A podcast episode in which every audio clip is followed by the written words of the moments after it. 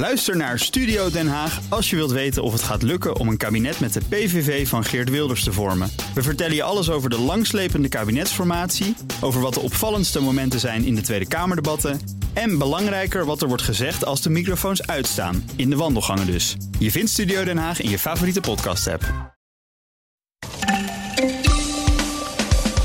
Bijna twee van de drie containerschepen komt te laat aan in de havens. Een jaar na het begin van de coronacrisis blijven de problemen met het containervervoer maar aanhouden. Dat gaat leiden tot hogere prijzen en zelfs lege schappen. Sinds vorige week is duidelijk dat er een zeer gevaarlijk lek in de software van Microsoft zit. Een gevolg daarvan wordt nu duidelijk: dat bedrijven een golf van aanvallen met gijzelsoftware over zich heen krijgen. En alle politieke partijen beloven ons heel veel nieuwe huizen. De huidige kabinetsplannen bijvoorbeeld zetten in op 1 miljoen huizen in 2030.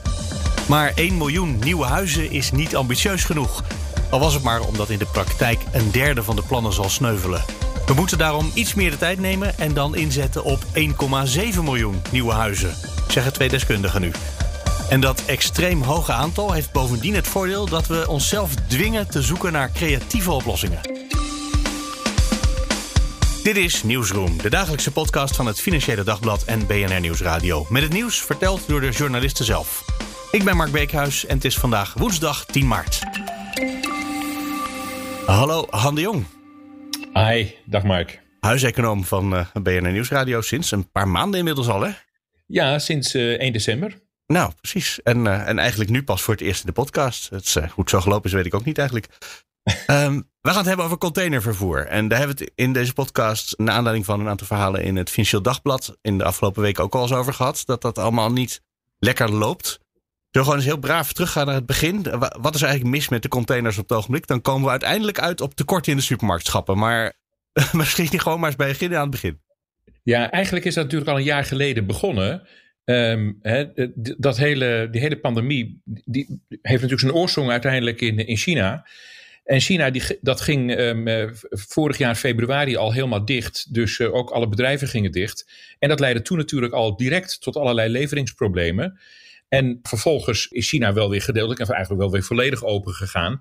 Maar, maar kennelijk zijn die logistieke stromen in de wereld, die zijn toch wel hevig verstoord geraakt. En, en kennelijk zijn die nog steeds niet op orde. En die zitten kennelijk zo precies in elkaar dat als het goed gaat, dat het blijft lopen. Maar dat als er ergens even een uh, paar maanden, want zo lang duurt het in China niet, even een onderbreking is, dat dan alles ontregeld raakt. Ja, nou, nou, nou was natuurlijk de, de, de verstoring was wel enorm, want, uh, ja, want de hele productie in China viel stil. Dus de wereldhandel stortte ook werkelijk uh, compleet in elkaar. Um, en en wat, ik, wat ik begrijp van, van mensen van organisaties als Evo Venedex en Transport en Logistiek Nederland is dat, um, dat, de, dat de verschepers, de, de, de rederijen, dat die natuurlijk reageerden door allerlei schepen uit de vaart te halen.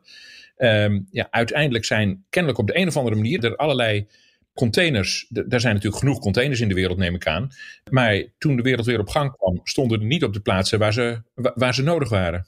Begrijp dat er vooral in Europa heel veel lege containers staan. Die eigenlijk eerst naar China moeten om ze daar weer te vullen. Ja, maar ja, je zou dan denken, hè, de, kijk, uh, ik hoor verhalen dat de vrachtprijzen vervijfvoudigd zijn. Nou ja, als, ja. als dat zo is, ja, dan moet het toch eigenlijk lonend zijn om uh, lege containers te gaan verschepen over de wereld. Maar kennelijk gebeurt dat niet. En um, uh, ja, de mensen van Evo, Evo Venedex die zeggen dat dat, dat dat eigenlijk komt doordat er bij die uh, vervoerders, een, die rederijen, dat dat een soort uh, oligopolie is. En um, ja, die houden toch te veel schepen uit de vaart.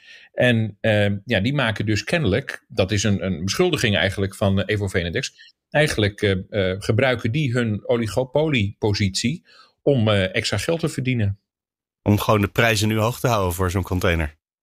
Ja, en uh, ja, dat is natuurlijk buitengewoon vervelend. Want uh, ja, dan worden, dan worden natuurlijk de, de, bedrijven die van het vervoer afhankelijk zijn en van die prijs afhankelijk zijn, die worden niet alleen op kosten gejaagd, maar die krijgen dus ook hun goederen niet. En ik begreep inderdaad dat een container normaal iets van 2000 euro kostte als je een goedkope verbinding had, maar dat dat wel eens 9 of zo kan zijn nu. Ja, ja, ja, het is echt vervijfvoudigd. Um, nou, ik, ik, hoorde ook van iemand vanochtend, uh, ja, die had dan ter waarde van 10.000 euro uh, uh, spul in een container zitten. Ja, als dan de, als dan de vrachtprijs stijgt van 2000 na, naar ongeveer 10.000, ja, dat, dat scheelt natuurlijk een slok op een borrel. Dan hangt het natuurlijk wel af. Hè. Die ondernemers, kijk, ondernemers die klagen natuurlijk ook graag wel een beetje. Um, ja. Uh, hè, hoe, hoe, hard ze dit raakt, hangt ook wel af natuurlijk van de marge die ze op hun producten hebben. Want je kan wel zeggen, ik heb ter waarde van 10.000 uh, uh, euro of dollar, heb ik spul in zo'n container zitten. Maar als het uiteindelijk bij de consument vijf keer over de kop gaat, nou ja. ja, dan valt het weg. Maar het goedkope plastic uit China, dat gaat hier natuurlijk last van hebben. Dat kan haast niet anders. Ja, dat, absoluut. Absoluut. Gaat dit ook voor uh, supermarkt uh, last hebben? Of is het eigenlijk meer de, de tuincentra en de, de action en dat soort winkels die nu uh, hier getroffen worden? Um, nou, ik, ik denk, kijk, natuurlijk gaat het vooral bedrijven treffen die, die spullen verkopen die, die, die over, de, over de zee verscheept moeten worden. Um, en ja, ik kijk, de worteltjes bij, bij de supermarkt, die worden natuurlijk niet in zeecontainers verscheept. Dus die zullen er echt wel blijven. Dus we gaan wat dat betreft denk ik geen honger lijden. Um, maar het is best wel mogelijk. Ik, zou ja, ik kan die vraag ook wel aan jou stellen. Kun jij producten verzinnen uit, uit jouw supermarkt waarvan je zegt, nou daarvan weet ik zeker dat die van heel ver komen? Uh, ja, zeker. Rozen halen we uit Afrika. Um, Er komen ook eh, groenten. Hak heeft volgens mij groenten ergens in Midden-Afrika staan. Dus dat, uh, sommige dingen komen van verrassend ver weg. Koffie natuurlijk, van de andere kant van Zuid-Amerika. Wacht even, Mark. Um, uh, rozen uit Afrika die komen met een vliegtuig hoor. Die komen niet in een Oh, dat is waar inderdaad, ja. Nou goed, maar de, de groenten van hak, die komen denk ik toch per schip. Ja, dat lijkt me wel. Ja. En de koffieboden komen toch vast ook per schip, ja. Ja, ja nou uh, zeker. zeker. Dus het, er zijn vast producten waar we dit gaan merken. En ik heb namelijk die de, de laatste tijd al het idee dat in de supermarkt waar ik veel kom, uh, dat daar vakken leeg zijn ineens. Uh, gisteren had ik kurkuma nodig. Een exotisch, maar nou ook weer niet zo exotisch kruid. En dat is dan drie dagen leeg, dat vakje. Dus de, iets van de logistiek, dit is een voorbeeld. Maar er zijn heel veel dingetjes in de supermarkt ook. Dus ik dacht, we moeten, we moeten het niet alleen over plastic hebben. Misschien speelt het ook op deze plek. Ja, nou ja, dat, dat, dat, is natuurlijk best wel mogelijk. En je moet natuurlijk ook niet vergeten dat uh, uh, het zijn niet alleen maar eindproducten die verscheept worden, maar ook heel veel halffabrikaten. Ja. Dus het is heel goed mogelijk dat er producenten in, in ons land en in andere landen in Europa uh, zijn die afhankelijk zijn van, van de toeleverantie van onderdelen uit, uit de rest van de wereld en vooral uit Azië. Ja, en als dat er niet komt, ja, dan valt die productie natuurlijk stil. Dus en, en als dat dan uiteindelijk. dan zit je eh, met al je kurkuma als je het plastic zakje niet kan vinden waar je het in, kan, uh, waar je het in probeert te verkopen. Ja, bijvoorbeeld. Zoiets. Ja. Ja, ja, ja, ja het, het, uh, het, het is moeilijk om dat helemaal goed natuurlijk uh, helder uh, te krijgen. Maar kan op allerlei manieren kunnen we dat gaan merken. Dit klinkt enigszins zorgwekkend. Ik bedoel, ja, we hebben het nu over tuincentra en kurkuma. Dus wat dat betreft, de honger, dan gaat het, de, de, echt gaat het nog niet mis. Maar als we bijvoorbeeld mensen het gevoel krijgen dat dingen niet geleverd worden, dat zou misschien wel eens problematisch kunnen worden weer.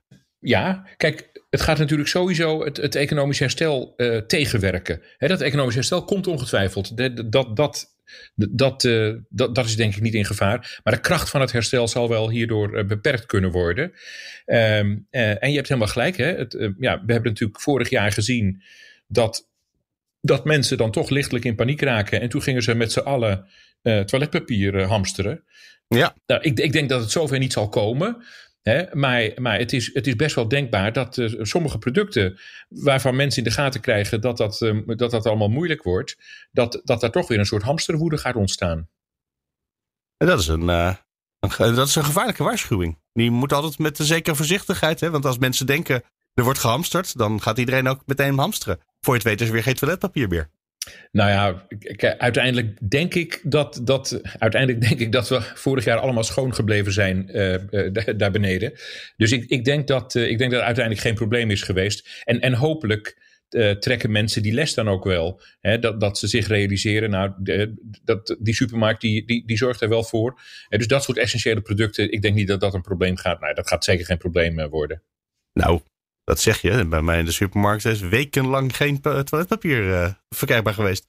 Oh. Uh, dus het is natuurlijk uiteindelijk wel opgelost. Maar niet op de plek waar ik het normaal verwachtte.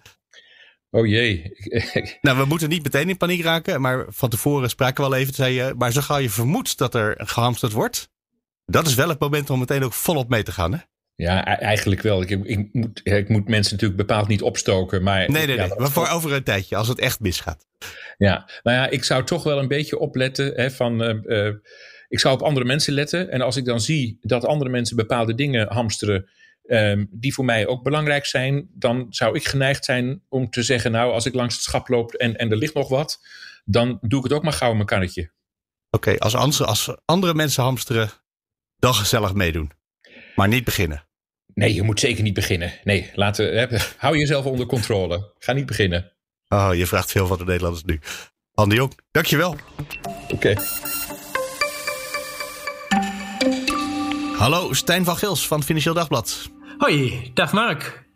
En zoals ik vorige keer al zei, als ik jou uh, spreek, dan zijn er altijd problemen met computers. Nou, dat gaat ook al een week zo'n beetje van, sinds het afgelopen weekend uh, kwam het een beetje bij mij op de radar. En dan maken we geen podcast. Dus het is even blijven liggen hier. Ja. Maar er speelt echt iets bij de Exchange server, de e-mail server van uh, Microsoft. Ja. Groot probleem. Kan jij uh, in lekentaal vertellen wat daar mis is? Ja, je hebt software van Microsoft om als bedrijf je e-mail op te hosten. Uh, dat heet Exchange. Uh, en dat is uh, ja, de, de, software die bedrijven gebruiken om hun personeel toegang te geven tot, tot webmail en dat soort zaken. Uh, en iedereen die uh, Outlook gebruikt en die inlogt met iets als webmail.bedrijfsnaam.nl of iets in die hoek, ja. ja, daar kun je vanuit gaan dat die deze server gebruiken. Dus dat zijn echt tienduizenden bedrijven in Nederland. en in die software, daar zaten een aantal beveiligingslekken. Uh, en uh, ja, die, die blijken uh, al, al een hele tijd te zijn misbruikt. Waarschijnlijk eerst door, door Chinese staatshackers. maar um, ja, deskundigen vertellen mij dat ook criminelen zich hierop gestort hebben. en, um, In de afgelopen week? In, in de afgelopen week. En waarschijnlijk zelfs ook al daarvoor. Maar in ieder geval afgelopen week. Uh. Oké, want Microsoft heeft een, uh, een patch uitgebracht. Een soort reparatiepleister die ja. je dan uh, kan installeren.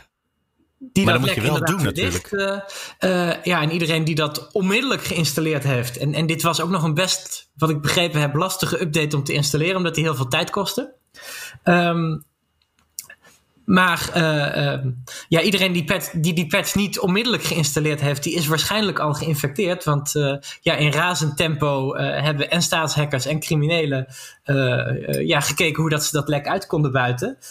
en alvast een, ja, zoals dat heet, achterdeurtje geplaatst. zodat ook wanneer die update later nog geïnstalleerd wordt, zij nog, nog in kunnen breken. Dat er nog een soort reservepoortje is, wat je er nog steeds doorheen kan dan. Ja, ja, ja. Um, uh, voor de zekerheid, uh, er zijn ook heel veel bedrijven die hun hele dienst bij Microsoft zelf hebben ondergebracht. Dus niet een uh, webmail.bedrijfsnaam.nl, maar iets, nou wat zeg je dan, portal.outlook.com of zoiets. Portal.office.com, vaak, ja, vaak soort, iets in die hoek. ja. ja.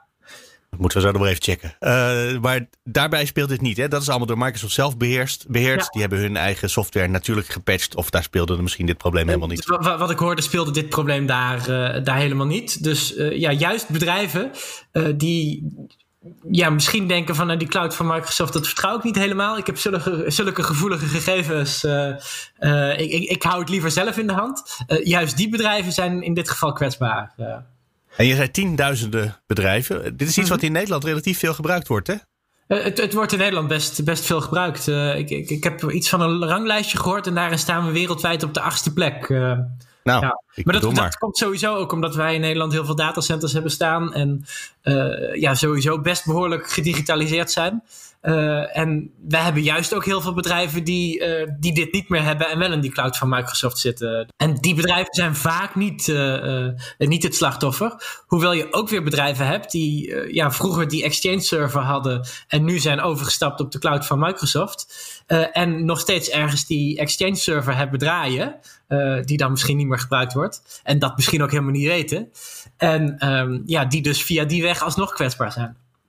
Oké, dus als je zo'n zo'n eh, migratie hebt gehad, moet je ook ervoor zorgen dat je de oude dingen uitzet natuurlijk. Dat is uh, wat je nu zegt. Ja, nee, absoluut. Want zo'n zo'n Exchange server heeft vaak ook toegang tot de rest van het netwerk. Uh, ja, en dat is vaak wat, wat criminelen doen. ze vinden ergens een gat. In, in die server gaan ze zitten. en van daaruit ja, kunnen ze zich rustig over de rest van het netwerk verspreiden.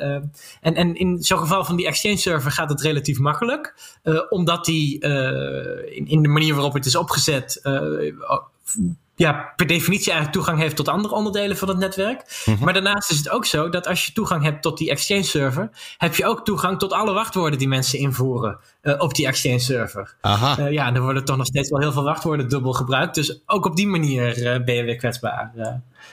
Ik wilde net vragen, wat, uh, wat ligt er allemaal onder vuur als ik zo'n server heb staan en de IT-afdeling was even niet snel genoeg de afgelopen week? Uh, nou, wachtwoorden, dus daarmee misschien wel alles wat er in het bedrijf gebeurt. Uh, ja, als, als je. De, de, vraag is een beetje wanneer je hebt moeten updaten. Mm Fox IT zag al verhoogde activiteit op, op dit soort servers, dus, dus hackpogingen, al voordat de patch van Microsoft er was.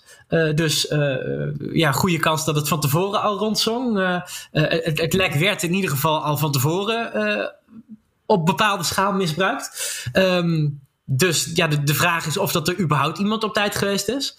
Um, maar ja, de, de, de echt grote golf aan, uh, aan aanvallen is pas, uh, pas na die patch van afgelopen dinsdag geweest. En dan wordt gezegd, als je uh, voor, voor afgelopen weekend niet, niet die update geïnstalleerd hebt, ja, dan, dan moet je er eigenlijk vanuit gaan dat, dat er al een achterdeurtje bij jou geplaatst is.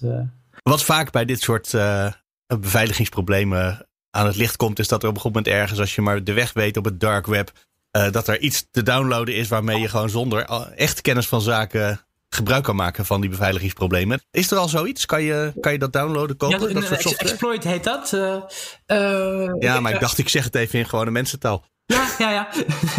dat is inderdaad wel aan. Maar goed, um, ik heb het daar gisteren even over gehad. Uh, en gisteren was, voor zover de mensen die ik gesproken heb, um, zo'n gehele exploit nog niet, uh, nog niet bekend op het dark web. Uh, Fox IT heeft zelf wel gekeken van, nou, wat, wat kunnen wij met die informatie? En, en zouden wij op zo'n server in kunnen breken? en die hadden met de informatie die er lag ongeveer een dag de tijd nodig. Uh, dus met andere woorden, uh, ja, er zijn ook criminelen die dit, uh, die dit ook gedaan hebben. Want de cybercriminaliteit is gewoon een miljardenindustrie geworden. Dus het is, het is niet dat dat een paar hobbyisten zijn die, die op een zolderkamertjes even wat proberen. Dus als je iets te vrezen hebt, dan weet je dat je nu even de beveiligingsmensen langs moet laten komen om te kijken of dat gebeurd is. Ja, ja en die beveiligingsmensen die hebben het nu uh, deze week ook heel druk. Uh, ik, ik, hoor van, van verschillende bedrijven dat zij uh, ja, op, op, op verzoeken nu nee moeten verkopen omdat ze het, het, gewoon te druk hebben. En om het nog even heel praktisch te maken, want ik vroeg net waar kan je bij? Maar je kan natuurlijk voor een deel. dus voor een deel hoef je misschien niet eens bij informatie. Voor een deel gaat het misschien ook gewoon om het platleggen van een bedrijfsnetwerk. Het gijzelen, zeg maar, gijzelsoftware. Uh, ja, uh, ja, dat is ja. niet zo. Uh, wat, wat vaak gebeurt is dat, ja, dat, dat die hackers in het netwerk kijken op wat voor manier dat ze hopelijk daar het meeste aan kunnen verdienen. en, en wat dan over het algemeen het makkelijkste is, is om eerst te kijken hoe maakt zo'n bedrijf zijn backups. kan ik die kapot maken? en dan daarna de rest van het netwerk plat te leggen. Um, daarvoor eigenlijk nog de gegevens naar jezelf te sturen. Um, dus zo'n bedrijf kan dan niet meer bij, uh, uh, ja, bij zijn eigen gegevens. Uh, maar jij als hacker wel. Betalen. bedrijven die besluiten om dat niet te doen, om principiële redenen, wat ook heel goed is, want juist door te betalen hou je die industrie in stand. ja, die ja. worden nog eens extra afgeperst, omdat dan een deel van, van hun data online wordt gezet. En dat is natuurlijk niet zo, zo prettig. Het, nee, dat is een goede samenvatting van het hele, hele nieuws. Dit. Het is niet zo prettig. Stijn van Geels, dankjewel. Dankjewel. Hallo, Arend Klaassen van het Financieel Dagblad. Ja, dag Mark. Hoi. We gaan het hebben over de woningmarkt. Het bijbouwen van de huizen. Uh, volgens mij alle uh, politieke partijen hebben in hun verkiezingsprogramma uh, staan dat we heel veel huizen gaan bijbouwen. Misschien ja. wel een miljoen. Maar wat lees ik? een miljoen, dat is helemaal niet ambitieus. We hebben 1,7 miljoen woningen nodig. Uh, ja. dat is echt heel veel. Dat, dat, is ontzettend veel. Dat is een voorstel of een idee uh, van, uh, van Carolien Gerils van Arcades, directeur grote steden daar. En van Ben van Berkel, architect van UN Studio, die onder meer de Erasmusbrug heeft ontworpen. Um, en ja, ze komen daarmee omdat, uh, want die 1 miljoen die klinkt wel ambitieus, maar zij gaan er eigenlijk van uit uh, dat die er nooit zullen komen. Want dat is al in 2030. Nou ja, dat is inmiddels nog maar negen jaar, zeg maar. En nou ja, dat zijn allemaal wel plannen, maar daarin wordt er geen rekening mee gehouden dat onderweg meestal 30% van die plannen afvalt of zwaar vertraagd is. Vanwege vergunningen of de plek past toch niet zo goed of er zijn uh, bezwaren. Um, dus zij zeggen eigenlijk van um, om, om daar überhaupt op uit te komen in 2030 moet je eigenlijk veel verder kijken. Moet je naar 2050 kijken en je moet die aantallen groter maken. Want als je dat niet doet, uh, dan heb je niet de flexibiliteit om ook uh, in die komende tien jaar al uh, dingen op te vangen als, als er een plan niet doorgaat of als het ergens langer duurt. En dan kun je, dan kun je ergens anders misschien wat schuiven en naar voren halen, zodat je, zodat je die 1 miljoen ook haalt. Nou herinner ik me van heel lang geleden, laten we zeggen uit de periode van Jan Maat van de Centrum Democraten, dat Nederland vol was. Ja. Um, dat heb ik nooit helemaal precies zo begrepen, maar um, een miljoen huizen, dat is, dat is nog wel ambitieus om dat er even bij te zetten. En 1,7 miljoen, dat is dan dus 1,7 keer zo moeilijk. Uh, ja, klopt. Uh, dat, uh, het klinkt ook als heel veel, maar ze zeggen dan ook van. Als je zeg maar, de opdracht groter maakt, dan moet je ook je hoofd aan het werk zetten. je dwingt jezelf ook om creatiever te zijn, groter te denken. Misschien oplossingen te vinden waar je bij 1 miljoen of iets minder nog niet aan denkt. Maar als je groter denkt, dan kom je daar misschien wel op. Hebben ze al voorbeelden, ideeën wat we zouden kunnen gaan doen? Ja, zeker. Ze hebben een aantal voorstellen gedaan om in ieder geval ook uh, de gedachten te prikkelen. Uh, en, en ook om misschien daar dan budget voor vrij te gaan maken. Bijvoorbeeld Schiphol.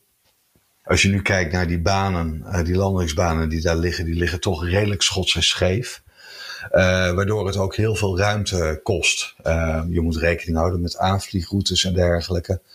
Uh, een van de ideeën is om bijvoorbeeld de Aalsmeerbaan, die ligt in redelijk noord-zuid richting, waardoor het in de buurt van Amstelveen nog vrij veel ehm, ruimte wegneemt die je anders zou kunnen gebruiken. Dus ze stellen voor om die baan iets te verleggen in een meer oost-westelijke richting. En dan, heb je, dan krijg je opeens ruimte vrij voor 100.000 woningen in een gebied waar waar de woningnood hoog is, vlakbij Amsterdam. Um, en, en zo speel je in één keer een klap ruimte vrij. Een ander idee is bijvoorbeeld om Eiburg, uh, om daar echt een plan voor te maken om dat verder door te trekken richting Almere. Maar daar ligt nu water toch tussen Eiburg en Almere? Ja, klopt. Daar ligt nu aan. Oh, dus nieuwe eilanden aanleggen weer? Nieuw, nieuwe eilanden aanleggen, ja. Okay. Dus zeg maar uh, de, zu de, zuidkant van, uh, van de Mark Markenwaard, uh, waar toen nog sprake van was ooit. Om daar dus eilanden verder op te spuiten richting Almere. En als je dat combineert met een metrolijn, ja, dan wonen mensen toch uh, ja, binnen, binnen een steenworp afstand uh, zonder autoverkeer uh, van het centrum van Amsterdam om daar te kunnen werken eventueel enigszins in Amsterdam, zullen ze denken. Ja, ja, ja, ja, of, uh, of iets waar iemand niet per se aan denkt, maar een station als Voorschoten bij Leiden. Ja, ja goed, er zijn nu weilanden, woningen, maar niet bijzonder veel. Maar als je ja, daar, daar veel zou bouwen, in treinminuten is het maar 11 minuten van Den Haag Centraal en 35 minuten van de Amsterdamse Zuidas. Het is uh, eigenlijk super centraal uh, qua OV-verbinding. Terwijl je niet misschien denkt. En, en qua woongenot, ja, je zit vlakbij, vlakbij het strand eigenlijk. Dus het, als, je, als je aan dat soort plekken denkt, dan is er best veel mogelijk als je daar ja, plannen voor maakt. Ik heb een tijd lang in Leiden gewoond. En ik kwam toen vaak in Voorschoten ook. Daartussen lagen eh, weilanden. Maar in de jaren negentig uh, kwam, ging het weiland werd elke keer ietsje kleiner. Uh, tot er op een mhm. gegeven moment eigenlijk heel weinig weiland overbleef. Er kan er misschien nog steeds wel een stadswijk tussen. Maar je, je raakt ook wel heel veel landschap kwijt als je dat gaat doen, hè? Ja, uh, klopt. Maar goed, je, je, zit aan de ene kant met een woningtekort. Wat er nu al is. Ehm, en wat niet ingelopen wordt. Ook niet in het huidige bouwtempo. En aan de andere kant heb je demografische groei. Ehm, dat zijn twee feiten die er gewoon zijn. Dus je, zal die dus mensen toch moeten huisvesten. Ja, kijk, nu, nu wordt er ook te weinig gebouwd. En je ziet dus dat hele generaties, of met name de jongeren, geen enkele kans hebben om ergens te komen. Dus uh, het idee is ook van als je dan uh, wel die woningen bouwt, maar je trekt dat samen bij OV-knooppunten. Bij eventueel nieuwe uh, stations bijvoorbeeld. Er zijn ook ideeën om een tweede intercity station in Utrecht aan te leggen. Of wellicht bij Arnhem. Um, als je daar nu al verder vooruit kijkt, dan weet je dus bij die 1,7 miljoen woningen dat je dus eigenlijk veel dichter moet bouwen. Uh, wellicht ook hoger moet bouwen op dat soort locaties. En als je daar nu dus al op inspeelt en die horizon zo ver vooruit legt, uh, dan, dan kun je ook zorgen dat je veel efficiënter bouwt. Dat je binnen die ruimtes die daar zijn uh, ook mogelijkheden houdt om te wandelen of te fietsen. Maar door, door het daar geconcentreerder te doen op dat soort plekken, hou je verder in het land ook open ruimtes over. in plaats van dat je uh, zeg met andere uitersten, waar ook wel voor gepleit wordt, is om gewoon nieuwe Finex-locaties of gebieden in het groen. Uh, dat is een andere school, maar dit plan gaat er meer uit van uh, bouw het bij die OV-clusters. En dan hou je de, kun je de rest nog open houden. Of, ja, nou ja, als je een 100.000 huizen bij Amstelveen gaat neerzetten, mhm. dan zit je al in de buurt van een Finex-locatie natuurlijk. Qua omvang. Qua omvang, ja. Ja, zeker. zeker. ja, ja. Volgens mij is de Bijlmer ook 100.000 huizen ooit geweest. Daar zijn er wel een paar van gesloopt. Maar uh, de, dat, dus de, dat soort schaal heb je het dan over. Dat je het over Amsterdam Zuidoost hebt. Exact, je hebt het qua plannen wel over zo'n schaal. Maar, uh... En dan zou het kunnen. Daar komt het eigenlijk op neer. Ja. Als we het willen. En uh, de keerzijde, als we het niet doen. want dat is de kop boven het artikel wat jij gemaakt hebt. Het functioneren van de mhm. stad loopt gevaar als we niet meer woningen bouwen. Dat is wel een consequentie die veel mensen. Tot nu toe heeft iedereen over woningnood. Maar dat een stad niet meer mhm. functioneert als je daar te weinig. Als mensen. Ja, ja, nou ja, wat gaat er eigenlijk mis dan? Dat is misschien de vraag die ik moet stellen. Nou, uh, uh, jij, jij, kent het uh, van jezelf, eh, van collega's. Ik ken het ook van mezelf en collega's. Maar ehm, als, je, als je start op de woningmarkt, ehm, dan kun je gewoon in een grote stad niet meer terecht. Ehm, ook niet met een goed inkomen. Ook niet met een normale baan. Um, en zeker niet als je gewoon uh, leraar bent of politieagent of gewoon een, uh, een maatschappelijk belangrijke functie hebt. Uh, dan kun je in een stad als Amsterdam of Utrecht niet meer terecht. of je moet een masseltje hebben of rijke ouders. Gerels wijst erop dat dat ertoe leidt in steden en Parijs en Londen is dat al het geval. Nou ja, dat deze mensen soms wel op twee uur wonen van eh, de, uh, twee uur van hun werk afwonen. Uh, dus die hebben ook geen binding meer met de grote stad. die zijn in het weekend niet meer in hun eigen wijk waar ze werken. Dus die zijn leraar, maar die zien eigenlijk nooit hoe de stad functioneert in het weekend waar hun leerlingen zitten. Nee, die, die zien hun kinderen niet bij de zandbak als ze met hun eigen kinderen daar zijn in het weekend of in de avond. die hebben geen contact meer met waar ze werken en waar ze maatschappelijk belangrijk werk doen. En uh, je zal dus iets moeten doen om ervoor te kunnen uh, zorgen dat ze daar wel kunnen wonen. Uh, dichtbij waar ze maatschappelijk relevant zijn. Dat is eigenlijk een samenleving. Is, hè? Dat is eigenlijk wat je dan kwijtraakt. Als je te weinig huizen of te dure huizen in die grote knooppunten overhoudt. Ja, het trekt het uit elkaar, letterlijk. Ja. Ja, dat is een. En daar hoor je. Ik was daar hoor je nooit iemand over. Maar dat is natuurlijk een consequentie die uh, die niet eens meegewogen wordt. Voor, het gaat voor het grootste stuk tot nu toe over mensen die zeggen: Ik wil graag een huis. Maar dat kan helemaal niet. Dat is nog een veel uh, elementairder probleem natuurlijk. Het krijgt op de lange termijn ook maatschappelijke impact. En natuurlijk is dat. Uh, we hebben daar in dat gesprek niet over gehad. Maar het is natuurlijk het falen van het woningmarktbeleid van de afgelopen 15 jaar. Dat, dat het zover komt. We gaan eens kijken wat hiervan terugkomt in de in het regeerakkoord straks. Als we volgende week de verkiezingen gehad hebben. En daarna de politieke partijen aan de slag moeten met die uh, honderdduizend huizen per jaar. Ja, nou, ik mag in ieder geval hopen dat, er, dat, er, dat, dat, uh, dat zeg maar die woningnood wel concreet aan wordt gepakt. Want het, als, je, ja, gewoon als je kijkt naar die inschrijftijden bij sociale huurwoningen, dat is één. Maar het is ook gewoon triest dat, nou, dat zoveel mensen die gewoon eigenlijk aan het begin van hun carrière staan, gewoon qua, qua werk als wonen.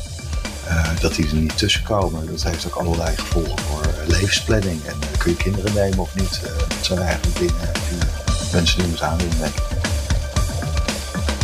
Aan het laatste, dankjewel. Ja, alsjeblieft. En dan komen we alweer aan het einde. Laat ik je weer eens vertellen waar je de show notes vindt voor deze podcast. Op bnr.nl slash nieuwsroom. En je kan mailen, reacties zijn altijd welkom op nieuwsroom.fd.nl of nieuwsroom.bnr.nl. Morgen zijn we er weer. Graag tot dan.